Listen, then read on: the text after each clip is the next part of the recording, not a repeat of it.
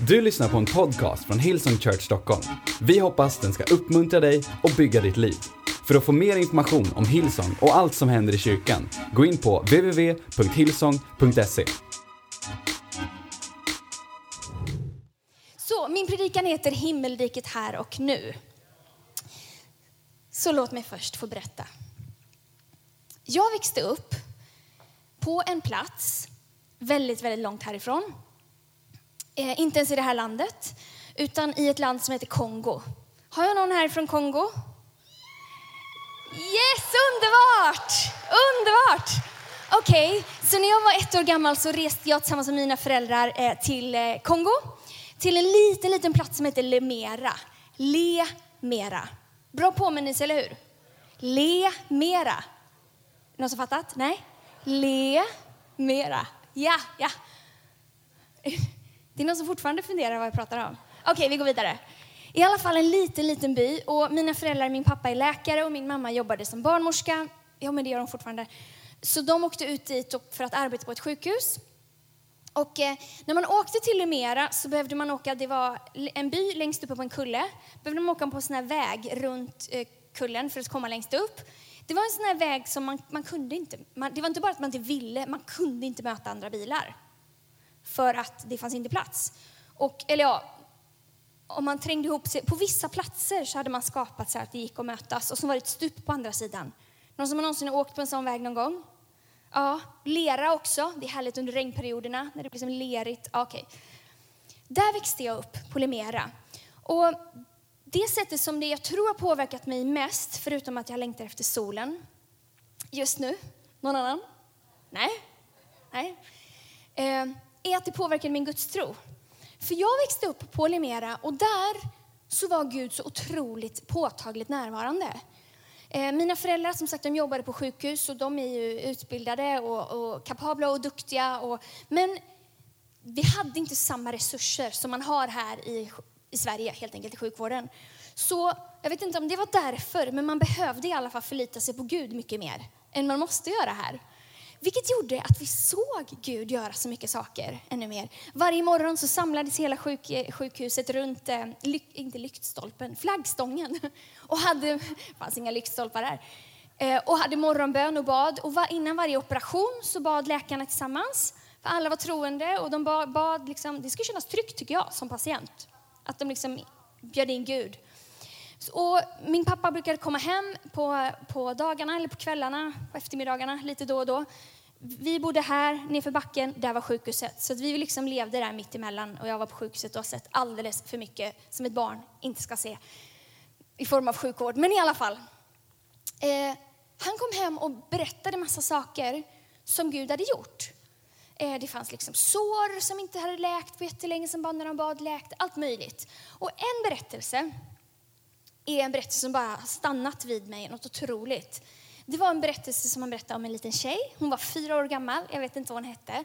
Men hon hade fötts med eh, eh gomspalt. Så det var liksom öppet hela vägen här och hon behövde en operation för att hon skulle kunna äta och allt det här. Så jag vet inte hur långt bort ifrån hon kom, men man kom ju väldigt långt, gick i flera dagar ibland för att komma till sjukhuset, till ett bra sjukhus. Och så lovade de att de skulle operera henne, de bad innan och de började operera henne. Och sen så hände det här som inte... Det gick bra först, men sen dog den här tjejen under operationer. Och de, eh, jag vet inte om man gör så fortfarande, eller om man gör så här i Sverige, men då skriver man liksom upp i en bok, säkert skriver man det på datorn eller någonting, eh, tidpunkt för dödsfall och orsak och sådär. Så gjorde de det och eh, ja, hennes, det var tydligt att hon inte levde längre.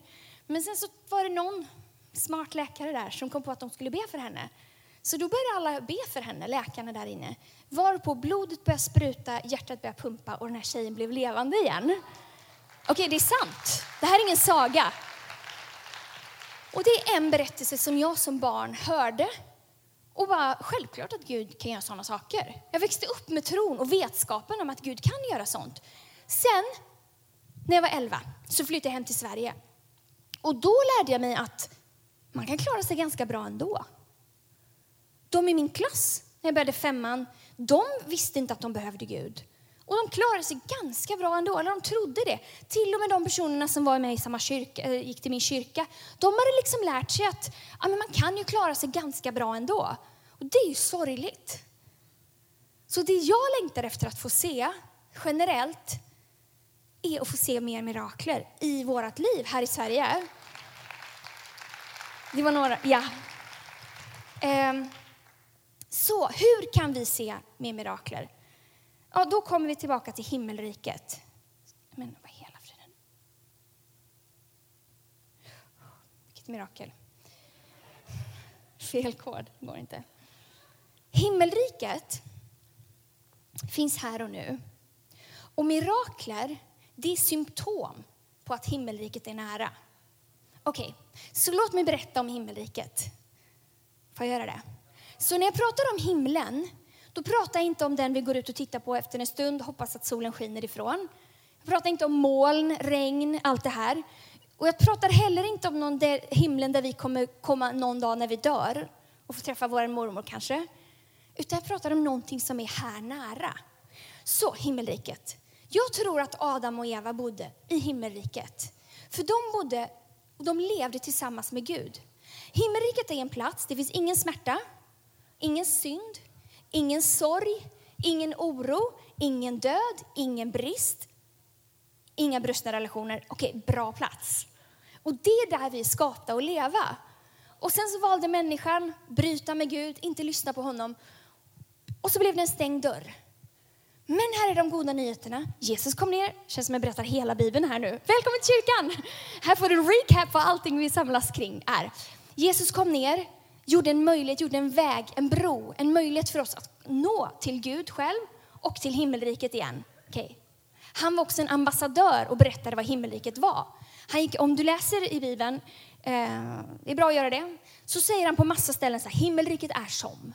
Himmelriket är som, himmelriket är som. Och då kanske man tänker så, himla, åh, varför ska vi höra så mycket om någonting som kommer hända när vi dör? Nej, men himmelriket, han säger också, himmelriket är nära. Ska vi ta ett bibelord? Oj, vad händer nu?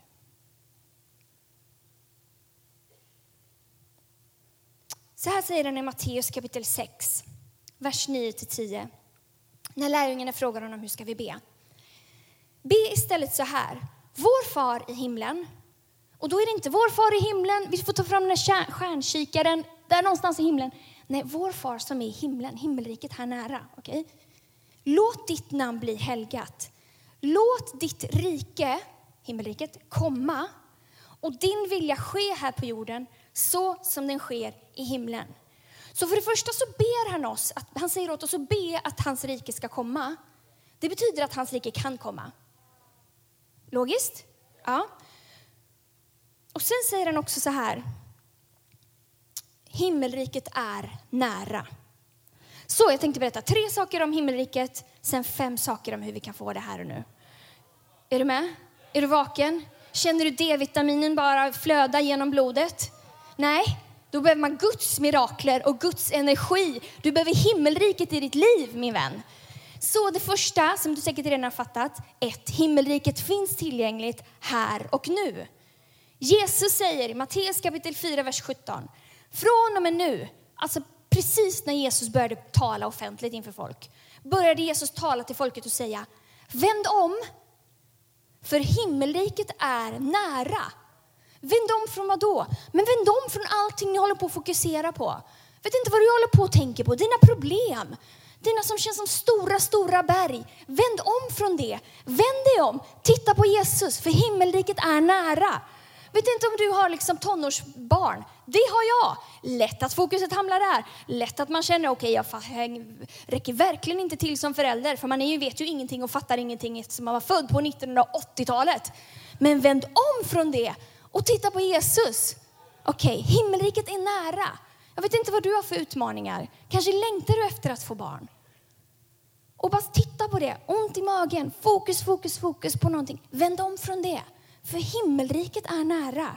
Låt oss inte titta på allting som är omöjligt. Utan låt oss vända om och titta på Jesus, okej? Okay? Så min poäng är, vi behöver inte vänta tills vi dör för att komma till himmelriket. Utan vi kan leva i det här och nu. Problemet är att vi har levt i det här Sveriges rike, eller vart du nu har levt, Kongo, så länge så att vi har lärt oss att men det är så här, vi klarar oss ganska bra så här. Det är inte så här du är skapad att leva. Du är inte skapad att leva ett liv där du klarar dig bra ändå utan Gud. Du är skapad att leva på en plats tillsammans med Gud, där han tar hand om alla dina behov, där du har liksom överflöd, mirakler, du har allt du behöver. Okej? Okay? Det är den du är. Så det är det som himmelriket är. Det är en plats som vi faktiskt skapade att leva i. Tycker du jag pratar för fort? Nej. Erik Liljeroth har varit här uppe och pratat fort. Här är ingenting. Nej. Okej, okay, så första himmelriket finns här och nu. Två, i himmelriket ska alla gåvor ges vidare. Det är en, helt, en, en, liksom en princip. Så, bara en lite rolig grej. Har du någonsin fått en present som du känner så här, den här kan jag gärna ge vidare till någon? Nej? Ja, den här presenten passar min mormor bättre, eller? Mm, tack. Okej, okay. det här är så, fast det är en bra present. Okej, okay. så det, tanken är att det som vi har fått som gåva ska vi ge som gåva. Vad har vi fått då? Ja, men I Matteus kapitel 10, vers 7 pratar Jesus. Gå och tala om för dem att himmelriket är nära. Kommer det igen? Bota sjuka, väck upp döda, gör spetälska rena och driv ut onda andar. Ge vidare vad ni har fått som gåva. Vet du ens vad du har fått som gåva? Kanske tänker du att du har ingenting. Kanske har du inte fattat vilken kraft som bor på insidan av dig. Om du är frälst och om du är andedöpt, om du har en helig ande verksam i ditt liv, då är samma kraft som uppväckte Jesus från de döda bor i dig. Och det vi har fått som gåva, det ska vi ge som gåva. Ja, men låter det, är det för diffust? Okej, okay. har du fått hopp? Ge det som gåva. Har du blivit räddad? Har du fått höra talas om vem Jesus är? Ge vidare det som gåva. Har du blivit helad? Be för någon, ge det som gåva. Ta det du får, tanken att du ska ge vidare, okej. Okay. Men när vi bara håller det för oss själva, då är det som att det är så här, slocknar. Så väldigt många av oss har himlen på insidan. Det hoppas att jag har. Och har du inte det, så om lite, när jag har pratat färdigt så ska vi komma upp och be för dig om du vill välkomna Gud in i ditt liv. Då är det som att himlen flyttar in på insidan. Så väldigt många här inne har tagit det beslutet och har himlen på insidan. Men det är inte så att det märks på utsidan i allas liv. Och det är det som vore så häftigt om det gjorde, eller hur? Det är där vi ska leva. Det är så det ska vara. Det är då livet blir spännande, även mitten av februari när liksom jobbet känns deppigt, eller jag vet inte hur du känner idag, men inte mitt jobb. Jag jobbar här i kyrkan. Det är fantastiskt. Så väldigt många av oss lever frälsta, men vi lever inte som representanter fullt ut. Så ju mer vi får, vi får, ju mer ska vi ge och ju mer kommer vi få och så ger vi och ju mer kommer vi få. Så om du tycker att du inte får av Gud, kanske att du ska börja ge av det som du har. Så, i himmelriket så ska man ska alla gåvor ges vidare. Nummer tre. Det här är sista om himmelriket. Precis bra? I himmelriket blir svagheten styrka. Jag älskar det här, det är uppmuntrande. När Jesus säger, den här versen vi läste alldeles nyss, när Jesus sa gå och predika för dem att himmelriket är nära och gör det här, be för de sjuka, allt det här. Då visste de inte hur de skulle göra det här. Han placerade lärjungarna 100% i en situation där de var helt utanför sin comfort zone. Och när de kommer tillbaka till Jesus så säger de, alltså du kommer aldrig tro oss, men det funkade. Så de var kanske lite som du och jag. Vi tror knappt att det ska funka liksom. Ska vi be? Och sen så bara, wow, det funkade. Men Gud gör det av någon anledning. Jag tror att det är för att hans styrka ska bli så påtaglig. Våran svaghet, hans styrka. Så om du är otillräcklig, det är underbart. Om du känner, jag har inte vad som krävs. Helt perfekt. Du är på en plats där Guds kraft kan bli synlig genom din svaghet. Underbart, eller hur? Eh, det finns en eh, man som heter Paulus som har skrivit jättemycket av Bibeln. I Andra Korinthierbrevet kapitel 12 så pratar han om det här från vers 9. Men Herren har svarat mig. Min nåd är allt du behöver. För i svagheten fullkomnas nämligen kraften. Därför vill jag hellre skryta över min svaghet, för att Kristi kraft ska bo i mig. Och därför är jag glad över svagheten. Han är glad över förolämpningar, anyone else? lidanden, förföljelser och svårigheter för Kristi skull. För när jag är svag, då är jag stark.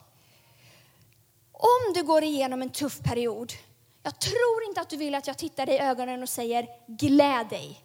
Är du inte glad nu? Nu går du igenom svårigheter. Vänta, ska jag ge dig en förolämpning också så att du ännu mer kan glädjas? Nej, inte? Icke politiskt korrekt. Men det är på, vad är det Bibeln säger? Okej. Okay. Jag tror inte att Gud ger oss sjukdomar. Jag tror inte att han straffar oss på det sättet. Men han kan använda våra svårigheter och våra svagheter. Och ibland är det som att faktiskt svårigheter är bra för oss. Varför? För ibland väntar vi ända tills det är svårt att, till att vända oss mot Gud. Varför ska det krävas svårigheter för att människan ska vända sig till Gud? Jag vet inte. Vi, jag vet inte, vi är envisa och vad det nu är. Vi fattar inte. Men så om du går igenom en svårighet här idag, jag bagatelliserar inte den överhuvudtaget. Jag har haft min, min, mina delar av, av svårigheter i livet och det är ingenting man kanske tackar Gud för. Jag är inte riktigt som Paulus än. Men tänk om det är så i din svårighet så kan Gud göra något fantastiskt. Han kan göra något stort. Han kan göra någonting helt som du aldrig någonsin hade kunnat få se. Så är det ofta när man har gått igenom en tuff period så är man glad efteråt för man ser att Gud har varit trofast. Det kan jag vittna om i alla fall. Så när vi ser omöjligheter så ser Gud möjligheter. När vi ser smärta så ser Gud en väg för mirakler. När vi ser problem,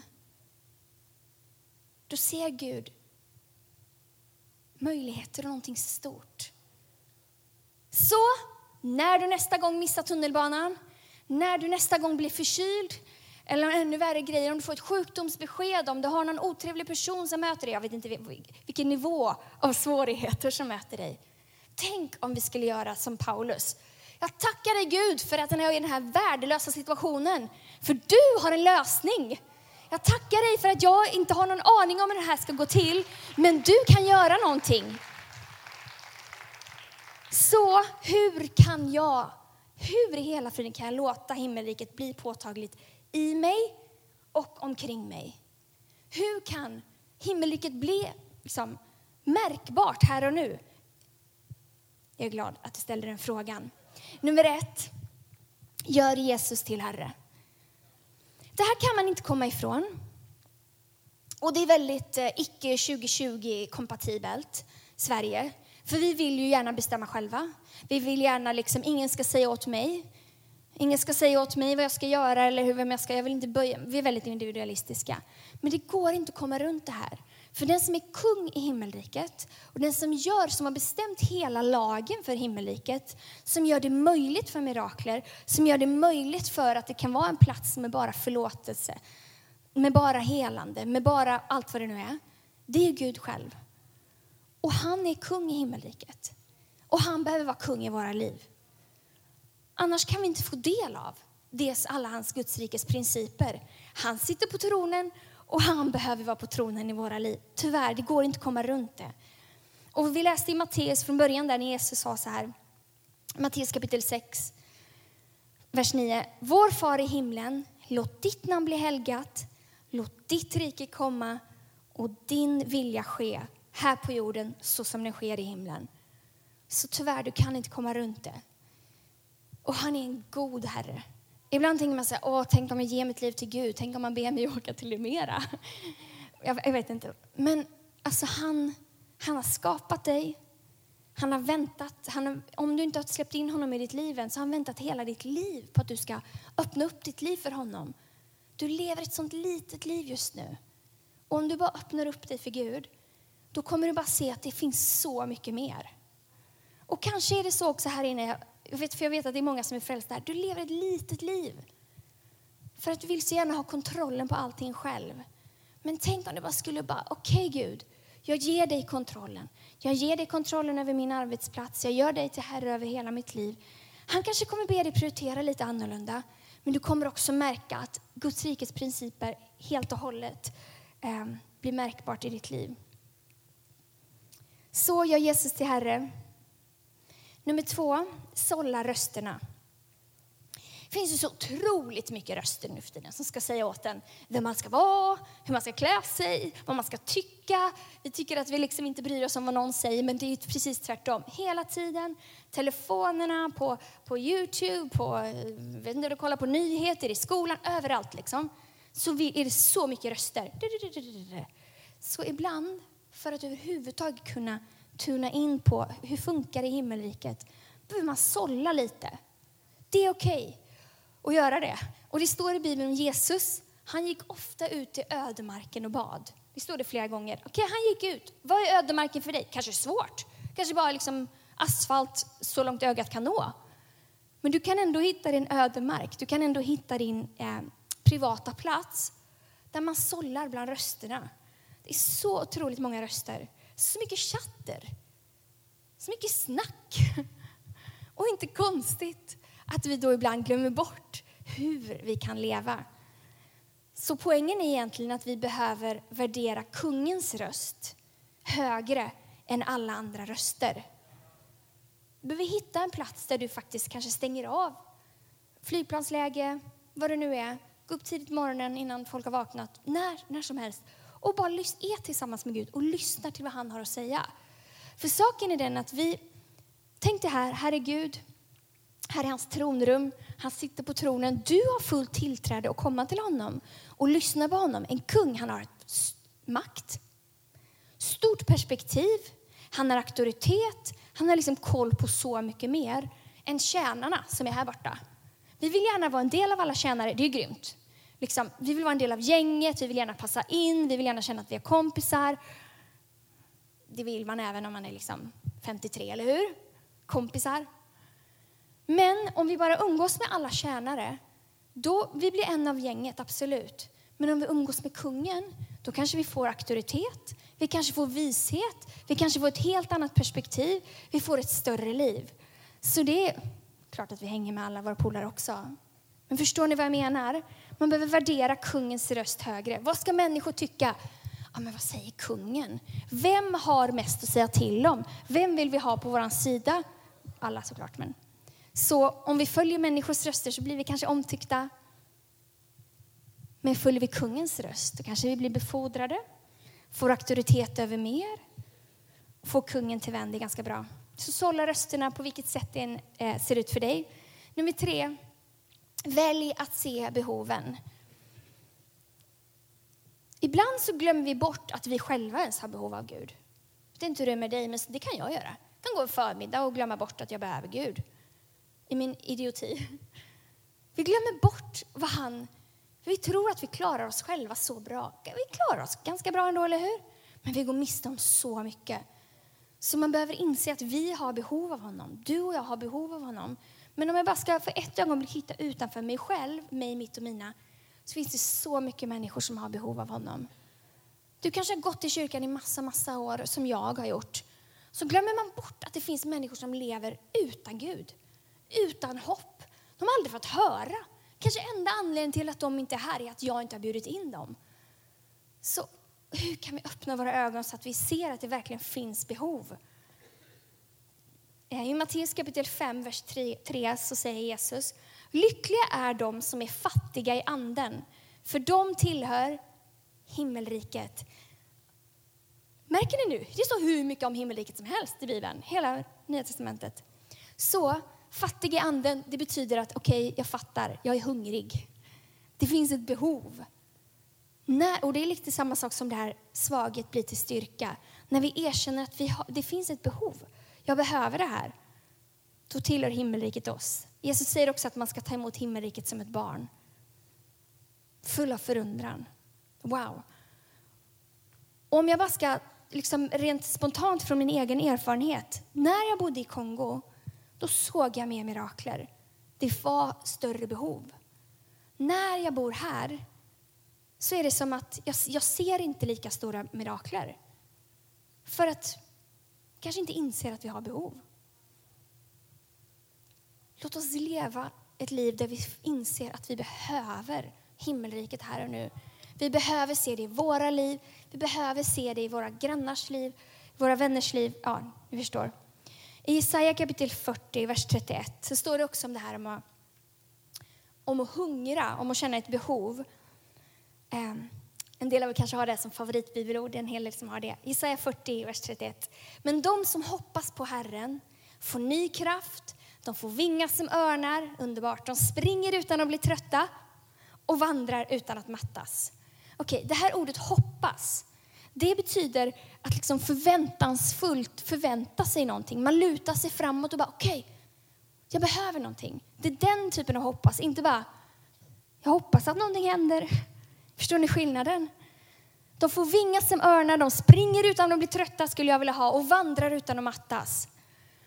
Och världen lär oss att vi ska gömma våra svagheter. Men det är tvärtom i himmelriket. När vi inser våra svagheter, när vi inser vår brist, när vi erkänner det, då, det är då kraften fylls på. Jag tänker också på den här änkan i Bibeln, eh, Elia, han träffade en änka som inte hade någonting, hon hade bara pyttelite olja. Han sa åt henne att, han skulle samla, att hon skulle samla massa kärl. Då skedde, skedde miraklet. Så, fort, så länge det fanns ett tomt kärl som hon kunde fylla så fortsatte miraklet. Så fort behovet var över, var slut, så stängdes miraklet av. Då slutade oljan att rinna. Ja, men många av er har hört den berättelsen. Alltså, åh, jag vill bara, jag vill ha bara fler kärl att fylla i mitt liv. Jag vet inte hur det är med dig. Så, vad behöver vi göra mer? Fyra.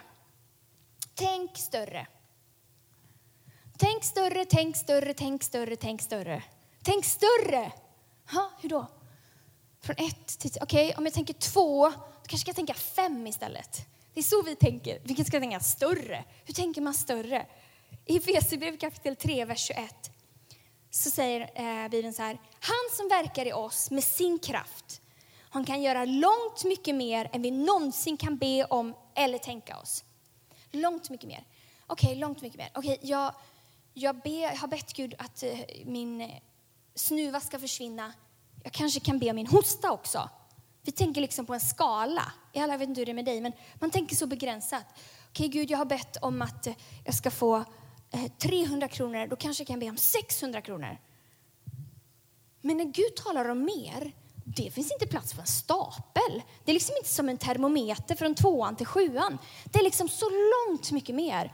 Så mycket större. Och hur i hela friden ska vi kunna tänka större? Vi kan ju inte det, för vi är inte Gud. Men då måste vi umgås med Gud. Bara få hans perspektiv. För det, är liksom, det är som att vi är som hästar med såna skygglappar. Vi, tänker liksom, vi tror att vi tänker större för vi tänker plus tre. Men Gud har tänkt så långt mycket mer än vi kan ana, tänka, önska eller be om. Det vill han göra i oss och genom oss, genom sin kraft. Så långt mycket mer. Tänk större. Tänk större. Det är som att gå från tjock-tv, svartvit tjock-tv, till, vad finns det nu? Äh, du lever i filmen. Där är du, okej? Okay? Det är liksom, eh, du är där. Och ibland, jag blir utmanad här i mig själv. Ibland är det bra att lyssna på sina egna böner. Vad ber vi för böner egentligen? Ibland, särskilt när vi ber med våra tjejer på kvällarna, liksom vi, ber, vi ber inte Gud som har vid barnen, vi ber liksom en, en bön till Gud varje kväll. Ibland är det så här, åh, jag ber att de ska, att de ska ha en bra dag imorgon och jag ber att eh, det ska vara kul i skolan. Absolut, vi kan be att det ska vara en bra dag. Jag kan be att vi slipper en förkylning. Men oj, tänk om man skulle tänka större. Vi ber om att, så för ett par veckor sedan, två veckor sedan nu kanske, så bestämde jag enhälligt att vi skulle börja titta efter mirakler istället. Jag skämdes nästan. Det är klart att vi kan be om att ha en bra dag i skolan. För någon är det ett mirakel. Så det bagatelliserar jag inte. Men ni förstår vad jag menar va? Så vi säger, okej, okay, nu ska vi börja titta efter mirakel. Det här ska bli mirakelvecka. Och så var jag påmind om pastor Brian som sa så här, han, eh, vid ett tillfälle, titta efter de små miraklerna. För de små miraklerna drar till sig större mirakler. Jag vet inte. Ja, men precis. Amen. Så jag vet inte om det är så, men jag tror att det är så när vi börjar se små mirakler, då börjar vi se stora mirakler. Ibland händer mirakler, fast vi ser dem inte. Så därför så började vi, första dagen bara, vi tacka Gud för att det ska bli ett mirakel här idag. Hela dagen gick och inte ett mirakel i åsyn, tyckte då min, eh, en av mina döttrar. Men precis innan läggdags, då hände det ett mirakel där hon övervann en rädsla som för oss är ett sånt otroligt stort mirakel. Då blev hon lite taggad. Vi började skriva upp det. Vi har, jag har ett, eh, en anteckning i min telefon där vi har, som är en mapp som är mirakler. Du kanske tycker så här, ja men göra det där, det var väl inget mirakel. Titta efter de små miraklerna, för de drar till sig som en magnet till stora mirakler. Tänk om vi skulle leva vårt liv så. Titta efter mirakler. Det är därför också som vi uppmanar människor, du får jättegärna nästa gång när du kommer i tid tänkte jag säga, men det ska jag inte säga. Du får komma när du vill. Du får komma i tredje lovsången också. Jag vet att det är många som gör det. Men du missar så mycket. Den första låten alltså, den, är, den ger energi. Ja, det är någon som gillar, okej. Okay. Man kan ju så här, man kan planera att komma tio i. Man kan det. Men nu tappar jag helt bort tråden. Mirakler. Det är därför vi har tacklappar. För att vi ska börja, ibland behöver vi hjälp själva med att se vilka mirakler Gud gör i våra liv. Det går omkring jättemånga mammor som ska föda barn när som helst här i vår kyrka. Tack vare Miracle May, när vi bad för barn, räkna månaderna, nu är det dags. Vi har världens största babyboom. Det är mirakler. Glöm inte att tacka det. När det känns tungt, när de inte sover, när man inte får en tid för sig själv. Tacka Gud då för ditt mirakel. Ja, men jag tror att om vi tittar efter tillfällen för mirakler så kommer vi se mirakler i större utsträckning. Börja se de små miraklerna. Okej, nummer fem. Ta en risk. Det här gillar inte jag. Jag gillar inte att riska. Jag är en sån person som gärna har kontroll. Gillar inte att göra bort mig. Men, ta en risk. I första Korinthierbrevet kapitel 4, vers 20 så står det Guds rike, himmelriket, är ju inte ord utan kraft. Så, jag kan stå här och orda hur mycket som helst. Du och jag kan orda, vi kan prata om bibelord hit och dit, vi kan battla i vad du kan för någonting. Men om vi inte gör någonting, då är det bara ord. Och Guds rike är inte bara ord, utan det är kraft. Så där behöver vi bara kliva ut och göra någonting. Hur, vad kan det innebära? Du står i foajén eller du är på jobbet eller vart du nu är någonstans. En person säger att ah, jag har haft problem med mitt knä så otroligt mycket. Istället då för att bara ge tips om en sjukgymnast som du tycker är kanon, kanske bara säga, får jag... God, hjälp mig nu. Får jag be för dig? Kan jag be? Okej, okay. Gud jag ber att du ska, tack för att du helar det här knät. Amen. Okej, okay, där, du tog en risk. Kanske är det för mycket eh, Rör inte personen. Men jag vet inte vilket sätt. Ta ett litet, litet steg. Ta en risk. Ta en risk. Kanske är det så här, åh, jag har varit på mitt jobb så länge och de vet inte att jag känner Gud. Jag vill utbreda Guds rike, så här, men hur, jag är inte den personen. Jag är inte den personen. Alltså nu pratar jag om mig själv. Jag är inte den personen som är så här fantastisk, sätter sig på en busshållplats, träffar en främling, berättar om evangeliet, liksom leder den till frälsning, sen går man och döper dem. Jag är inte den personen. Är du den personen? Du kan bli den personen. Okej, okay, vi tror på det. Men det är okej okay för dig att göra det där det känns naturligt för dig. Lär känna personen först då. Men ta en risk. Jag tror att anledningen till att vi inte ser så mycket är att vi vågar inte kliva ut. Vi ska inte kliva ut i luften här. Men bara gjort. Just do it. Gör någonting. Ta en risk och se att Gud gör någonting. Skapa ett gap som bara Gud kan fylla. Och om du är som mig så gör du din oförmåga ofta större än Guds förmåga i ditt liv. Jag måste säga det igen. Vi gör så ofta vår egen oförmåga större än Guds förmåga. Så det är nästan högmod. Menar jag att Gud inte kan göra någonting med mig? Va? Har han inte tillräckligt med kraft? Det är klart han har det. Hans förmåga är så mycket större än våran oförmåga. Amen. Så ta ett steg, gör någonting. Bara gjort. Okej, okay, jag ska be lovsångsteamet komma upp. Så, om himmelriket är nära, om himmelriket är liksom här, precis framför ögonen på dig, om himmelriket finns tillgängligt för dig, om det var så att Jesus, när han dog på korset och sa det är fullbordat och den här förlåten i templet brast och helig ande blev tillgänglig för oss alla. Om det var så att det gör det möjligt för oss att leva med himmelriket påtagligt, vad, vad betyder det i våra liv? Vilken effekt får det i mitt liv och vilken effekt får det i ditt liv? Lever du det sättet som du vill leva? Lever du på det sättet där du ser Gud vara påtaglig, närvarande, tydlig? Om du inte gör det, då finns det ingen fördömelse. Det finns bara en inbjudan. Det är det jag tycker är så underbart. Han ger aldrig upp på någon av oss, tack gode Gud. Han välkomnar oss in i ett spännande liv där vi, kompetenta och mindre kompetenta varelser, får vara använda av honom och få leva ett liv där vi kan känna meningslöshet, där vi kan känna Guds närvaro och där vi får se saker hända som bara kan, på, kan förklaras genom att det är Gud. Om du kanske tycker att februari månad känns lite tra, tradig. Kanske känner du så här, men vad i hela friden ska jag gå upp på morgonen för? Kanske att det finns en dimension i ditt liv som saknas. Kanske att Gud har tagit dig här hit idag. Kanske att han har tagit mig hit, mig hit idag för att påminna mig om att det finns någonting mer. Så det vi ska göra är, ni vet Bibeln säger att Jesus skapade en väg. Jag kan ta bort den här så kan vi frimodigt sjunga.